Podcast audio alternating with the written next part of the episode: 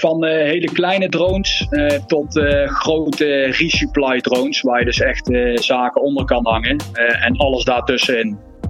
Maar uiteindelijk moeten we als landmacht gewoon mee met de technologische ontwikkelingen die er zijn. Dat hebben wij in Nederland dus een dedicated eenheid die continu met deze middelen aan het trainen is. Nou goed, daar klonk die Amerikaan natuurlijk als muziek in de oren. Hè.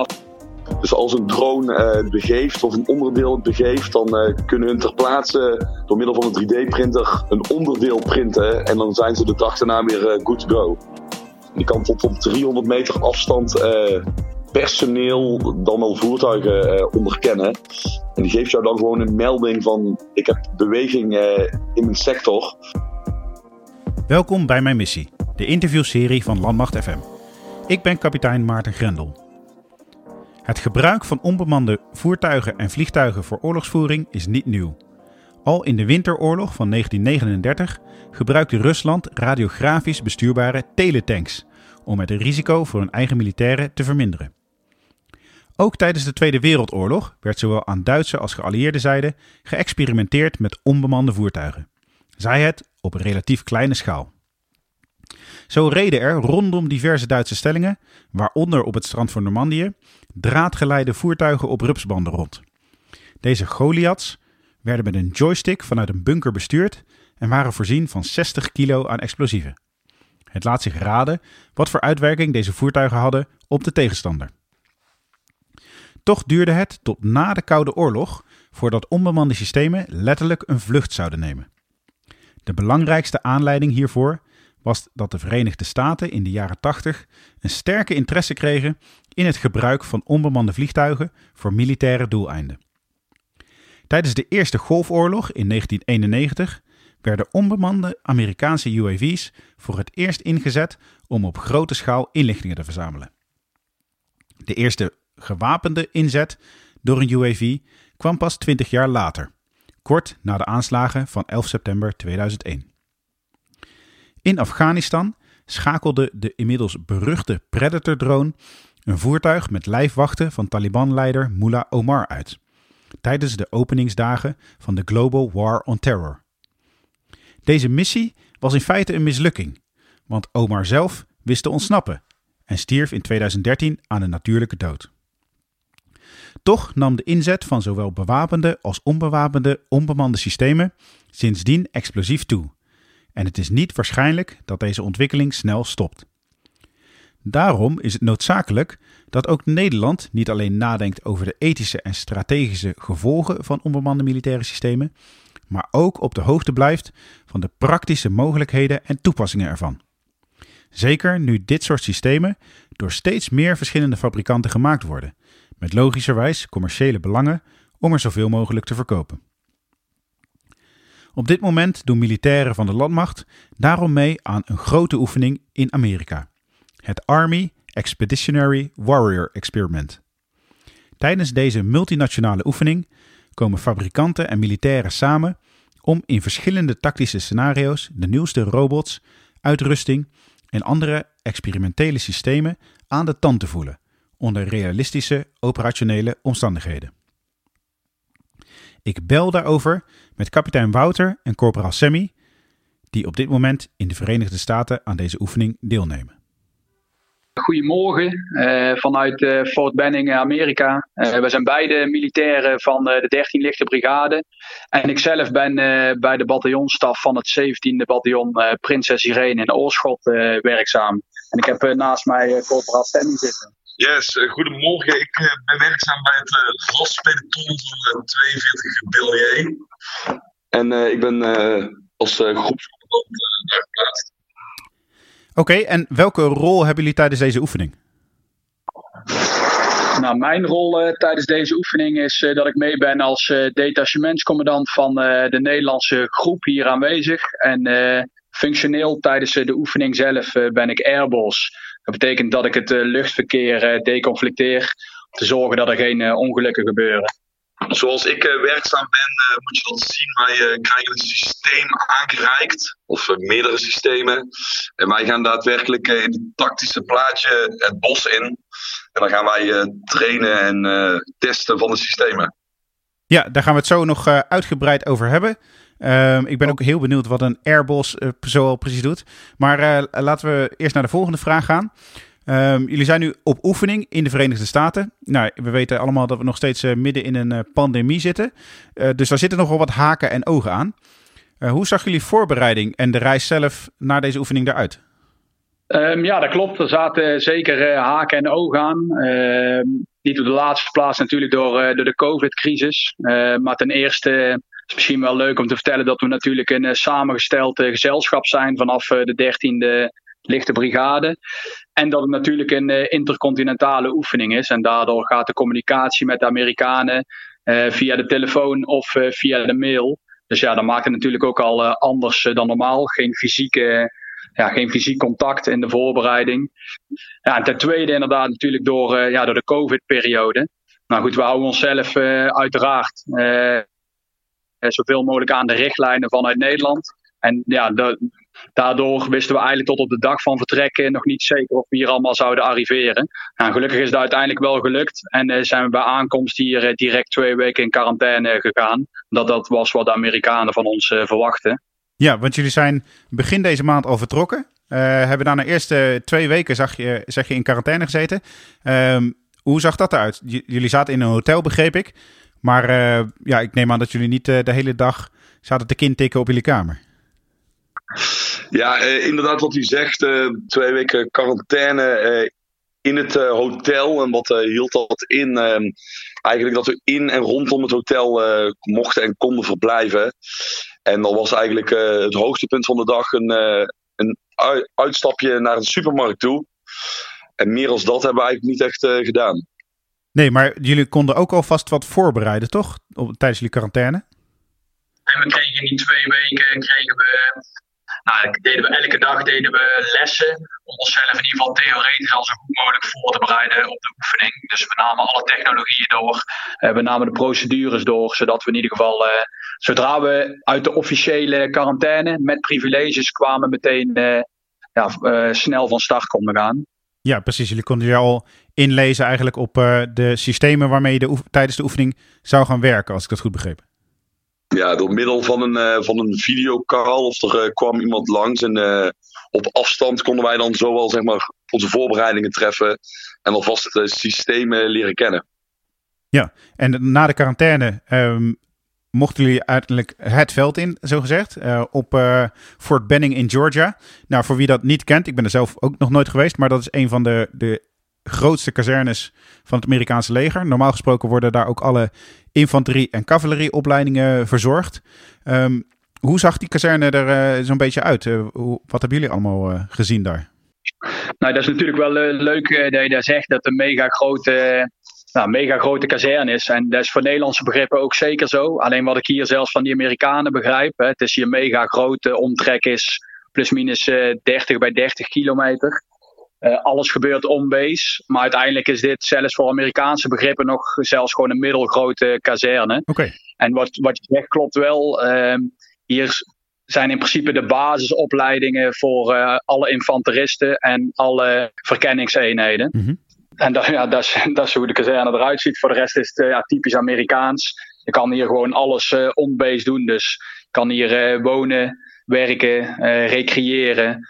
Um, alles, uh, alles kan hier uh, onbase. Um, ja, het is gewoon uh, behoorlijk groot. Dus dat heeft ook wel even wat tijd gekost voordat we zelf alles scherp hadden.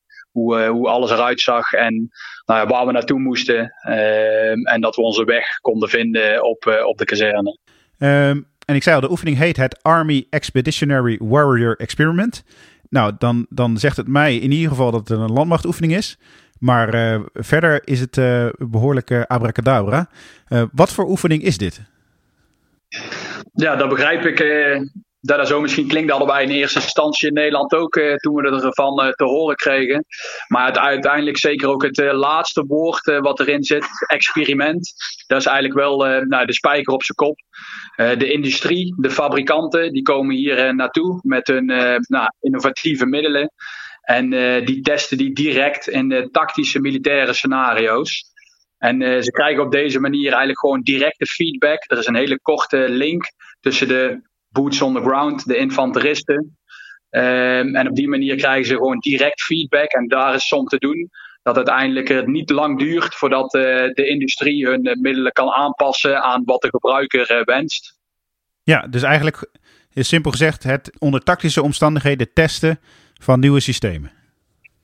Ja, dat is, uh, is zeker inderdaad wat de EWI hiervoor staat. Maar het mooie hierin is dat je in zo'n korte tijd zoveel systemen krijgt. En dat je, uh, wat Wouter al zegt, heel close contact hebt met de fabrikant.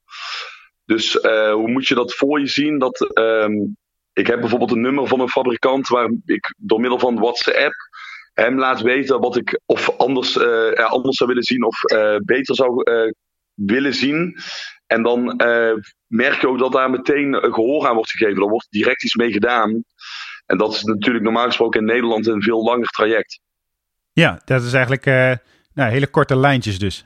En ja, goed, wat misschien ook nog wel leuk is om te vertellen, is, uh, is dat de EWI is eigenlijk gewoon een doorlopend project. Die duurt eigenlijk gewoon het hele jaar. met grote en kleine events, waarin dus continu nieuwe middelen worden getest. En het moment waarop wij hier in Amerika zijn, dat is wel het hoogtepunt. Nou, dan komen echt de meeste producten hier naartoe en wordt alles dus in dat nou, tactische scenario direct door de gebruiker uh, getest. Ja, ja, en de gebruiker, dat is de militair. Nou, er doen natuurlijk Amerikaanse militairen mee, uh, Nederlandse militairen. Uh, zijn er ook nog andere landen betrokken bij de EWI? Uh, normaal gesproken, ja, ze lopen hem gewoon internationaal aan, het, uh, het event. En uh, normaal gesproken is de kans aanwezig dat er nog meer andere landen meedoen. Ehm, ze proberen dat wel beperkt te houden met landen waar ze, om het zo te zeggen, nauwe banden mee hebben. Ehm, maar dit jaar doen er eh, Britten mee en de Amerikanen. maar ik denk, ja, vooral door de COVID was het gewoon lastiger om er nog meer landen naartoe te krijgen. Dus wat dat betreft ja, zijn we wel gezegend dat we in deze periode hier aan deel konden nemen. Ja, wat dat betreft is het inderdaad sowieso bijzonder om nu in het buitenland te kunnen oefenen. En zeker bij zo'n soort oefening. En de oefening zelf, je had het al over tactische scenario's. Um, kun je daar nog iets dieper op ingaan? Moet ik dan denken aan uh, groepsniveau, pelotonsniveau of, of andere manieren van, van oefenen?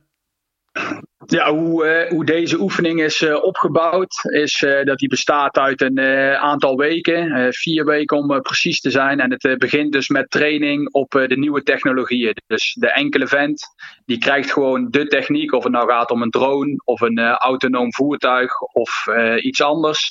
Die krijgt daar gewoon les in en in een hele korte tijdbestek van één, misschien twee dagen, zorgt hij ervoor dat hij het middel onder de knie krijgt. En vervolgens uh, in een tactisch scenario moeten er militaire doelstellingen behaald worden. En dat begon op groepsniveau. Vervolgens op pelotonsniveau uh, zijn ze daarop verder gegaan. Um, zijn die middelen direct ja, geïntegreerd tijdens de scenario's. En hebben ze die militaire doelstellingen geprobeerd te behalen met behulp van die, nou, van die innovatieve middelen. Ja, en Nederland heeft er met een groep uit het RAS-peloton aan deelgenomen. En Wouter, met jou als uh, ja, als leider der oefening eigenlijk. Um, zaten jullie dan ook als groep aangeklikt bij een Amerikaans peloton of uh, ging dat op een andere manier? Uh, nou goed, wat misschien uh, wel leuk is om te vertellen inderdaad, hè, dat wij natuurlijk vanuit de 13 lichte brigade zijn. En ja, dat onze brigade die is nou, gewoon volop bezig met het gevecht van morgen. met de rascel daar eigenlijk boven. En daaronder hangt dus onder andere het raspeloton. Um, en die Amerikanen hier die hebben te horen gekregen via onze liaison op Fort Benning. Uh, dat er in Nederland dus een eenheid is die continu aan het trainen is met deze innovatieve middelen. Dus eigenlijk wat de EBI ook het hele jaar doet. Um, alleen dan zonder de boots on the ground. Die krijgen ze dus af en toe erbij geleverd. Hebben wij in Nederland dus een dedicated eenheid. Die continu met deze middelen aan het trainen is. Nou goed, daar klonk die Amerikaan natuurlijk als muziek in de oren. Hè, als ze de beste feedback willen krijgen uh, richting, uh, richting fabrikanten, dan is dit natuurlijk nou, een aangewezen eenheid die daar uh, uitermate geschikt voor is. En op die manier zijn wij vanuit Oorschot hier aan gelinkt en is de vraag gekomen of wij hier naartoe wilden komen. Ja, dus dat is wel de reden ook dat wij hier nou voor de eerste keer met zo'n grote groep aanwezig zijn. Ja, en, je zegt al van Nederland is wat dat betreft best wel uniek dat we een dedicated eenheid hebben voor dit soort experimenten. Um, merkte je dat ook als je het bijvoorbeeld vergeleek met de, Amerikanen die misschien de Amerikaanse infanteristen die misschien wat minder ervaring hebben, dat die uh, nou ja, een steilere leercurve hebben bijvoorbeeld? Nou, ik, ik, kan natuurlijk niet praten voor het, uh, voor het hele Amerikaanse leger en ook niet voor het Britse leger. Maar wat ik wel gezien heb hier is dat degene die vanuit de Amerikanen en die vanuit Engeland hier naartoe zijn gegaan, is dat die veel minder feeling nog hebben met die nieuwe materialen. Want de kerels van het raspeloton die hier zitten, ja, die zijn dus gewoon en gewend om infanterist te zijn, maar ook gewoon gewend om met die gevoelige apparatuur om te gaan. Ehm, ja, dus zie je gewoon dat ze alles heel snel oppikken. Maar je ziet ook hier dat die fabrikanten gewoon eigenlijk het liefst hebben dat de Nederlanders uh, met die materialen aan de slag gaan, omdat die gewoon sneller het onder de knie hebben en dus gerichtere feedback kunnen leveren aan hen. Ja, ja dat is misschien uh, een goede vraag voor Sammy. Um, als infanterist ben je natuurlijk gewoon vooral bezig met het gevechtsoptreden. Maar jij als uh, lid van het raspeloton moet daarnaast ook nog rekening houden met allerlei nieuwe systemen. Je moet misschien wel een drone besturen of een onbemand voertuig. Uh, is, dat, is dat lastig om dat uh, allemaal tegelijk te doen, vergeleken met het ja, reguliere infanteriewerk? Ik persoonlijk vind het niet lastig, maar het, maakt het, wel, het werk maakt het wel leuker. Want ja, je krijgt gewoon een systeem mee wat helemaal nieuw is. En wat eigenlijk. het RAS staat zelf ook nog in de kinderschoenen. Maar zeker om de technologie toe te voegen in het werkveld. Dat is uh, leuk om te doen en uh, er komen veel leerzame dingen uit. Ja, ja dankjewel. Hey, en Wouter, jij bent uh, tijdens deze oefening. dat klinkt als iets met luchtoptreden en ja, airspace coördinatie. Um, had je daar al iets van ervaring mee? De ervaring die ik daarmee heb, die is als PC-infanterie. dat je dan ook bezig bent met ja, gecombineerd optreden. En dat je daarin Um, ook het luchtruim in de gaten moet houden op het moment dat je bijvoorbeeld vuursteun aanvraagt. Maar dan ben je dus wel op veel kleinschaliger niveau bezig. En heb je daar altijd nog een link tussen. In de vorm van bijvoorbeeld een J-tagger die voor jou het luchtruim afvangt en mee coördineert.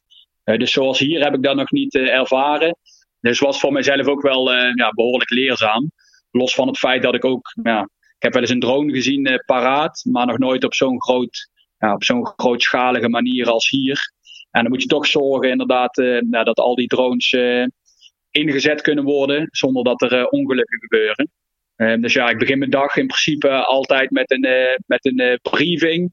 waarin ik eigenlijk vertel hoe ik voor me zie dat de drones worden ingezet in tijd- en ruimtefactoren. Ja, want wat vloog er zo al rond tijdens de EWI? Ehm, ja, we hadden van uh, hele kleine drones uh, tot grote resupply drones, waar je dus echt zaken onder kan hangen en alles daartussenin. Um, ja, dus kleine drones die direct bedoeld zijn, gewoon echt voor de vent op de grond. Tot en met de resupply drones en ehm, verkenningsdrones die op meerdere kilometers boven, de, boven de oppervlakte hangen. Ja, en naast uh, de luchtsystemen eh, waren er ook nog uh, bijvoorbeeld onbemande voertuigen of andere systemen. Slimme sensoren zag ik in een van de nieuwsberichten voorbij komen. Wat hebben jullie allemaal zo al gezien en kunnen testen? Ja, er zijn inderdaad heel veel systemen langsgekomen. En zoals je zegt, sensoren. Dat moet je zien als camera's die je plaatst in een gebied. En die zo eigenlijk bijvoorbeeld een OP volledig kunnen overnemen. En wat doet zo'n camera dan? Die, kan, die zet je tactisch weg. Die kan tot op 300 meter afstand personeel, dan wel voertuigen onderkennen. En die geeft jou dan gewoon een melding van: ik heb beweging in mijn sector. En dan kun jij dus in een één oogopslag zien van wat het is en waar het zich bevindt. Dat soort systemen moet je aan denken. En zo komen er bijvoorbeeld een um, mooie systeem om aan te halen is, uh, we hebben hier een urban drone uh, gezien. En een normale drone die, die vliegt buiten en is, vaak wordt gebruikt voor verkenningen. En deze is echt gespecialiseerd op het OVG-optreden. Dus deze is extreem wendbaar en ook heel erg makkelijk te besturen door middel van een VR-bril. Zit je bij wijze van spreken in de drone. En ja, wat we hier hebben gezien, je zuivert zo twee, drie huizen in een paar minuten met deze drone. En dat is wel uh, ja, een enorme verbetering en een aanwinst voor het optreden. Ja, want uiteindelijk moeten al deze systemen ertoe bijdragen dat het, het werk van de militair dat dat makkelijker wordt. En, en niet alleen makkelijker, maar ook veiliger. Um, hebben jullie daar tijdens deze oefening ook al ervaringen mee opgedaan van in hoeverre deze nieuwe systemen jullie werk nou kunnen verbeteren? Um, nou ja, ik denk dat je daar wel de spijker op zijn kop slaat. Kijk, uiteindelijk leven we natuurlijk in 2021 en nou, de ontwikkelingen zitten niet stil. En als je ziet nou op de werkvloer, doen we natuurlijk heel veel met materialen die zijn dienst hebben bewezen in het verleden. Maar uiteindelijk moeten we als landmacht gewoon mee met de technologische ontwikkelingen die er zijn. En je ziet gewoon met de middelen die we ook hier getest hebben, waarbij echt niet elk middel al fantastisch was. Maar dat is ook precies de doelstelling van de oefening, om daar feedback op te leveren. Maar dat je wel ziet dat uiteindelijk gaan we het met deze middelen wel doen in de toekomst. Middelen die gewoon aangestuurd worden door de mens. Maar waarbij we uiteindelijk met minder mensen uh, wel dezelfde doelstellingen kunnen behalen. En waarbij het dus en veiliger wordt en dat die nieuwe middelen misschien wel het werk nog beter kunnen dan ons. Nou, dus dat is wel echt het gevecht van morgen waar we naartoe gaan. En ja, met die middelen die we hier gezien hebben, is wel gebleken dat we uh, uiteindelijk de goede kant op aan het gaan zijn. Ja, precies. Want soms denken mensen met uh, onbemande systemen al heel snel aan bewapende systemen. Die dan uh, misschien ook zelf autonoom geweld kunnen gebruiken. Maar daar is nou ja, voor, voor wat er hier getest is, in ieder geval nog geen sprake van, als ik het zo begrijp. Nee, nee, zeker niet. Ehm, de mens moet in mijn optiek gewoon nog altijd de beslissingen kunnen blijven maken om wel of niet geweld toe te passen. En dat is tijdens deze oefening ook gewoon continu gebeurd. Gewoon alle middelen die ingezet zijn, worden uiteindelijk door een bedienaar, operator uh, bestuurd. Um, en uiteindelijk zou die wel autonoom dingen kunnen doen. Maar dan is nog steeds wel de mens daarachter verantwoordelijk en die vertelt wat hij dan autonoom uh, gaat doen. Ja, precies. Dus de mens neemt nog altijd de beslissing. Um, je had het over verschillende systemen, uh, waarvan sommige iets beter werkten dan, uh, dan andere. Um, waren er ook drones die bijvoorbeeld niet helemaal meewerkten? Ja, zeker. Um, het is natuurlijk, zoals aangegeven, een experiment. En zeker met de resupply drones. er was een drone die behoorlijke gewichten droeg en kon dragen. En uh, wij hebben ook wel ervaren dat uh, op een gegeven moment tijdens een actie uh, er een drone uit de lucht kwam. Door een uh, technologische fout van de drone zelf. Hoorden wij een klap en we zijn weer eens kijken. En er lag een, ja, de drone in honderdduizend stukken verspreid over het terrein. En dan, dan zie je dus ook gewoon nou ja, direct hè, dat inderdaad uh, alle producten die hier komen, daarvan uh, zijn een aantal zijn gewoon echt al mega geschikt. En andere die, uh, ja, die moeten terug naar de fabrikant en daar moeten aanpassingen op komen voordat ze definitief in, gebruik, in gebruik genomen gaan kunnen worden door Defensie. En tevens ook die drone die uit de lucht viel. daar komt dan ook meteen mijn taak als Airbus bij kijken. de drones die daadwerkelijk uh, met underslung, uh, met lading daaronder door de lucht vliegen. Die, nou, die hebben allemaal een route gekregen waardoor ze dus nooit over personeel heen vliegen. zodat als er iets gebeurt, zoals het voorval wat Sammy aanhaalt, dat het dan ook nou, niet boven eigen troepen gebeurt. En dat ze dan, mocht er iets fout gaan, wat dus bij deze gebeurde, dat ze dan crashen in veilig gebied. Ja, precies. Want eh, ja, we zeiden het al, uiteindelijk moeten dit soort systemen bijdragen aan de veiligheid. Uh, er moet dus ook eh, goed nagedacht worden over de risico's. En het kan, moet natuurlijk niet de bedoeling zijn dat het onveiliger wordt, doordat er allerlei onbemande systemen rondrijden en vliegen. Maar dat is dus in de hand, als ik het zo hoor. Ja, zeker. Wat, wat Wouter dus aanhaalt, er is een Skylord die zorgt dat dat in ieder geval allemaal loopt en dat er nooit drones over personeel heen vliegen. Dan wel eh, ook bij elkaar in de buurt komen. En misschien wel iets moois om eh, te vertellen is dat ehm, een hoop van deze fabrikanten werken met 3D-printers. Dus als een drone uh, het begeeft of een onderdeel het begeeft, dan kunnen hun ter plaatse door middel van een 3D-printer een onderdeel printen. En dan zijn ze de dag daarna weer good to go. Ja, en ook voor militaire toepassing is dat iets wat ehm, misschien in de toekomst wel, wel zijn nut gaat bewijzen. Want ik kan me voorstellen dat als je op uitzending of uh, ergens op missie bent, je drone gaat kapot, uh, dat je hem ook wel weer inzetbaar moet kunnen maken. Ja, zeker. Dat is ook wel wat de insteek is uh, van de fabrikant om dat te gaan toepassen in de toekomst. Ja, en over de toekomst gesproken. Ehm, uiteindelijk wil Nederland ook met dit soort systemen op uitzending gaan. Um, ik, ik, weet dat er uh, plannen zijn om volgend jaar in 2022 ook met het RAS-peloton deel te nemen aan de EFP in Litouwen. Um, Sammy, uh, ben jij daar ook bij betrokken? Uh, ja, Wouter waarschijnlijk niet, denk ik dan? Het, uh, het RAS-peloton is daar zeker bij betrokken. En ons doel is in ieder geval om daar daadwerkelijk systemen te gaan inzetten. Dus wij gaan, we, zullen verder gaan op de weg die wij zijn ingeslagen als uh, RAS-peloton.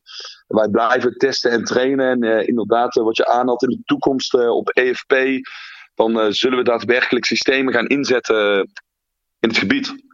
Ja, en dat is ook denk ik iets wat uh, nou, nog niet veel eerder gedaan werd. In ieder geval niet uh, door de Nederlandse defensie. Ja, op, op deze eh, grootschalige wijze, dat is waarschijnlijk wel de eerste keer dat Nederland uh, dat gaat doen. Uh, maar inderdaad, precies zoals je zegt, op kleine, kleinere schaal zijn er zeker nou, systemen gebruikt op uitzendingen ehm, die het ja, werk, werk van de man op de grond konden overnemen. Um, nou, de oefening is uh, bijna afgelopen. Volgende week staan er nog een aantal dingen op het programma, waaronder een, uh, uh, ja, een soort van VIP-dag. Ehm, kunnen jullie daar nog iets meer over vertellen? Ja, ja dat klopt. Volgende week eh, hebben we de Insights Day of eh, de VIP Day, hoe ze dat hier noemen. en dat is wel weer een van de hoogtepunten. Daarmee sluiten ze eigenlijk hun nou ja, hun hele oefening van het hele jaar, EWI, sluiten ze daarmee af. En dan komen alle producten die ze hier het afgelopen jaar getest hebben, uh, worden dan uh, opgesteld in een hele grote ruimte. Met degene uh, die daadwerkelijk getest hebben. Dus onze kerels van het raspeloton, die staan dan gewoon naast de fabrikant. En dan komen er allerlei hoogwaardigheidsbekleders komen daar op af met coronamaatregelen in acht genomen natuurlijk. En die lopen dan langs de standjes kunnen dan kijken welk materiaal er allemaal getest is en kunnen direct vragen stellen aan de fabrikant en aan de gebruiker. En ze hebben expliciet aan ons gevraagd om, natuurlijk op diplomatieke wijze, maar wel gewoon onze Nederlandse eerlijke mening daar te geven. Uh, zodat uiteindelijk ook die hoogwaardigheidsbekleders een inzicht krijgen van oké, welke systemen bevallen goed, waar kunnen we op uh, voortborduren en welke systemen zijn nog niet geschikt. Ja, ja want uiteindelijk uh, voor de Amerikanen in ieder geval kan het er ook toe leiden dat ze aan de hand van dit soort experimenten besluiten om bepaalde systemen aan te kopen en in te voeren. Uh, maar dat klinkt eigenlijk wel als een, uh, een hele slimme manier. Um, waarbij je ja, eigenlijk bottom-up uh, al dingen test voordat je het daadwerkelijk invoert. En nou ja, dat zou iets kunnen zijn waar we in Nederland misschien wat van kunnen leren. Of zijn jullie het daar niet mee eens?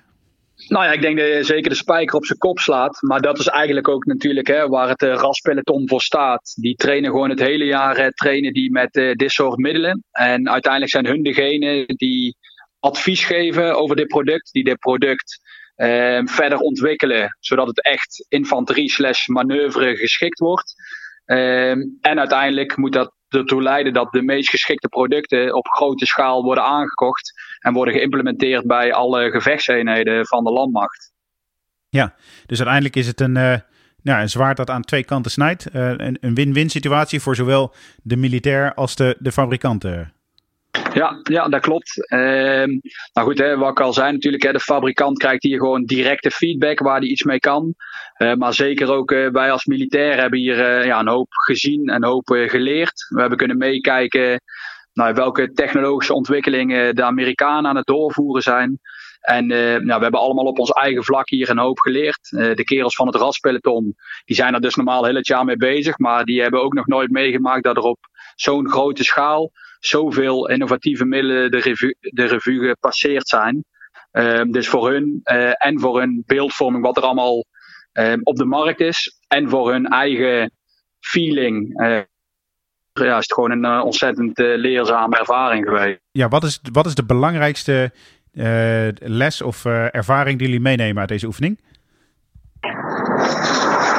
Nou, voor, voor mijzelf is de belangrijkste les geweest dat ik heb kunnen kijken naar verschillende BGT'en. Eh, dus technieken, hoe die middelen in te zetten, eh, te, te, implementeren tijdens tactische scenario's.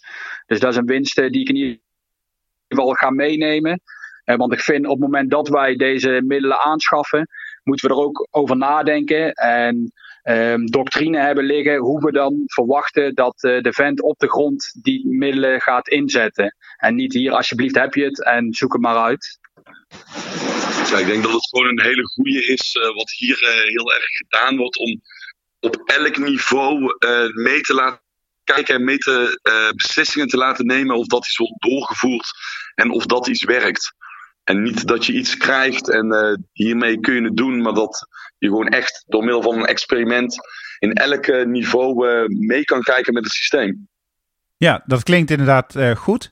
Um, dan gaan jullie ergens in de loop van volgende week, als alles volgens plan verloopt en iedereen natuurlijk negatief getest wordt voor vertrek, weer terug naar Nederland. En hoe ziet het vervolg er daarna uit? hoe gaan jullie hierop verder op alle ervaringen die jullie hier hebben opgedaan en natuurlijk van, het, van de ras die al in Nederland is opgebouwd? Ja, wij eh, als RAS gaan verder op de weg die we een jaar geleden zijn ingeslagen. Dus wij gaan eh, blijven testen en trainen met de systemen die we gaan eh, krijgen. En in de toekomst, zoals al besproken, EFP. Ik zou dan ook wel meteen graag gebruik willen maken van deze podcast. mocht je deze podcast nou horen en geïnteresseerd zijn in wat wij doen, dan schroom zeker niet om bij de Delta Company van 42 BLJ aan te kloppen.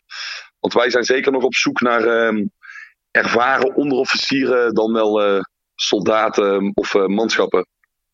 Ja, en voor mensen die nu luisteren en denken van, nou, dat lijkt me wel interessant. kun je nog even heel kort aangeven wat het werk bij het raspeloton nu zo interessant maakt ten opzichte van een, nou ja, reguliere infanteriefunctie? Ja, ik denk dat hetgene wat het heel mooi onderscheidt is dat wij zwart-wit gezien gewoon het reguliere infanteriewerk doen. Alleen daarbij komt dus een systeem kijken. En dat is best wel ruimschalig wat voor systeem dat is. Maar je gaat dus werken met zo'n systeem. En door te testen, testen en innoveren van dat systeem is gewoon het doel uiteindelijk om minder personeel en meer materieel voor in het gevecht te krijgen. En dit natuurlijk gewoon om veiliger en ja, beter uh, het werk te kunnen doen. Dat is eigenlijk in een notendop uh, wat wij op waar wij op dit moment mee bezig zijn uh, als uh, raspeloton. Ja, en Wouter, um, wat ga jij hierna doen? Jij gaat weer terug naar het 17e, neem ik aan. Ja, dat is positief. Ik ga hierna terug naar de bataljonstaf. Ehm, en dan ga ik deze ervaringen meenemen. en wat ik in ieder geval ga doen met wat we hier gedaan hebben, is in eerste instantie concreet alle middelen die we hier getest hebben, ga ik voor zorgen dat die gebundeld worden. En als de rascel van de 13 lichte brigade nieuwe middelen wil aanschaffen, dan hebben ze in ieder geval een catalogus waar ze in kunnen kijken of het iets voor, voor onze brigade is. verder is de bedoeling dat deze oefening een jaarlijks terugkomende event wordt. Um, en wil ik er in ieder geval voor zorg dragen dat we elk jaar um, soepel hier naartoe kunnen gaan. Uh, dat we weten wat er van ons verwacht wordt en onszelf zelf goed kunnen voorbereiden. dus dat zijn in ieder geval ja, de, de zaken die, die ik vind die ik nog moet doen voordat ik weer terug ga naar mijn organieke functie. Onwijs bedankt voor het luisteren. Mijn gasten vandaag waren kapitein Wouter van het 17e en corporaal Sammy van het raspeloton van 42 BLJ. Ben je fan van de show? Help ons dan door een review achter te laten op Apple Podcasts of Stitcher. En raad deze podcast aan bij vrienden, familie en collega's. Mijn missie is een productie van de Koninklijke Landmacht. Nieuwe afleveringen komen om de twee weken op maandagochtend online. En je vindt ze in de meeste podcastspelers onder Landmacht FM en Mijn Missie. Abonneer je en mis geen enkele aflevering. Je volgt de Koninklijke Landmacht via Twitter, Instagram, Facebook en YouTube en op defensie.nl vind je het laatste nieuws rondom de krijgsmacht. Nogmaals bedankt voor het luisteren en tot de volgende aflevering.